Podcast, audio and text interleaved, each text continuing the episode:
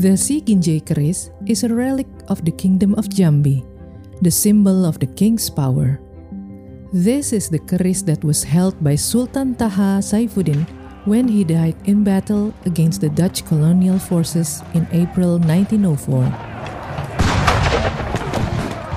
This keris is also connected to the legend of Rangkayo Hitam, a mighty adventurer who traveled to Java to free Jambi from the obligation of paying tributes and to be able to govern his own country. Up to the 17th century, the kingdom of Jambi routinely paid tribute to the kingdom of Mataram in Java. After Jambi became independent, the Siginjei was present in the coronation of every new king, sheathed and tucked into the king's belt, as a symbol of authority of the new king.